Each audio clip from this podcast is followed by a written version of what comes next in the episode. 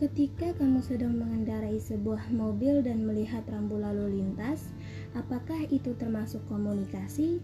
Atau ketika kamu sedang menonton TV dan mendengarkan sebuah podcast, apakah itu termasuk komunikasi juga?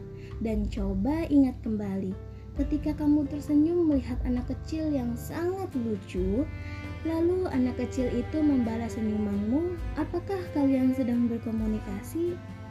Sebelum menjawab semua pertanyaan tersebut, kamu perlu tahu definisi komunikasi.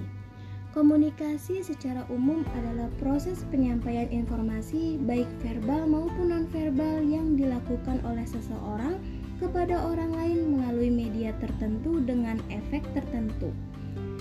Salah satu tokoh terkenal dalam komunikasi berasal dari Amerika Serikat. Ia bernama Harold Laswell yang mengenalkan unsur-unsur dalam komunikasi, yakni komunikator, pesan, media, komunikan, dan umpan balik. Bentuk proses dalam komunikasi sebenarnya banyak sekali, tapi saya hanya menyebutkan beberapa saja, seperti komunikasi intrapribadi, komunikasi interpersonal, komunikasi massa, dan komunikasi organisasi. Dalam administrasi dan manajemen sangat berkaitan dengan sebuah organisasi yang ternyata di dalamnya terdapat koordinasi loh. Jadi, koordinasi itu sebenarnya apa sih? Dan seberapa penting koordinasi ini dalam komunikasi? Untuk menjawabnya, mari kita ulas. Koordinasi merupakan proses kegiatan mengarahkan, mengintegrasikan, menselaraskan dan mengkoordinasikan unsur-unsur manajemen dan pekerjaan para anggota dalam mencapai tujuan organisasi.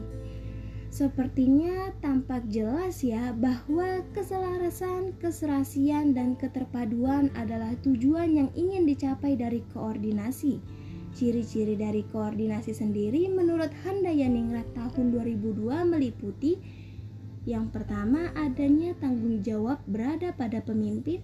Yang kedua, adanya kerjasama antar anggota.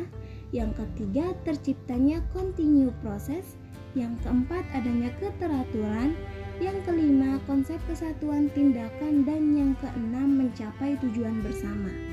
Oleh karena itu, peran komunikasi sangat besar dalam penyampaian segala ide, gagasan, dan pendapat untuk pencapaian koordinasi yang baik.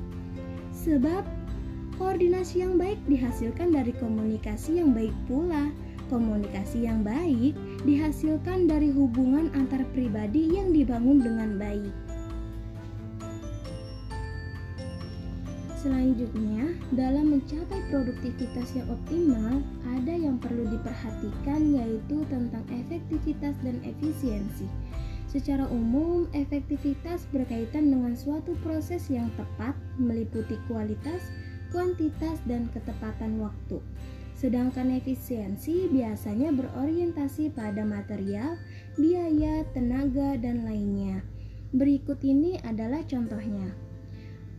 Supaya liburan kalian ke Yogyakarta bisa dilakukan secara efektif dan efisien, kalian dapat menggunakan kereta api yang harganya murah dan durasi perjalanannya juga singkat.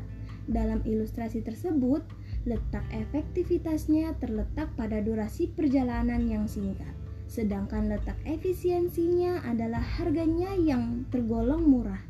Oleh karena itu, dalam administrasi, Komunikasi, koordinasi, efektivitas, dan efisiensi sangat berperan penting agar manajemen organisasi berjalan dengan lancar dan sesuai tujuan awal. Tak hanya itu, kesadaran pribadi sebagai anggota tim kerja dan koordinasi terpadu sangatlah penting untuk mendorong kinerja yang maksimal sehingga akan terwujud produktivitas yang optimal.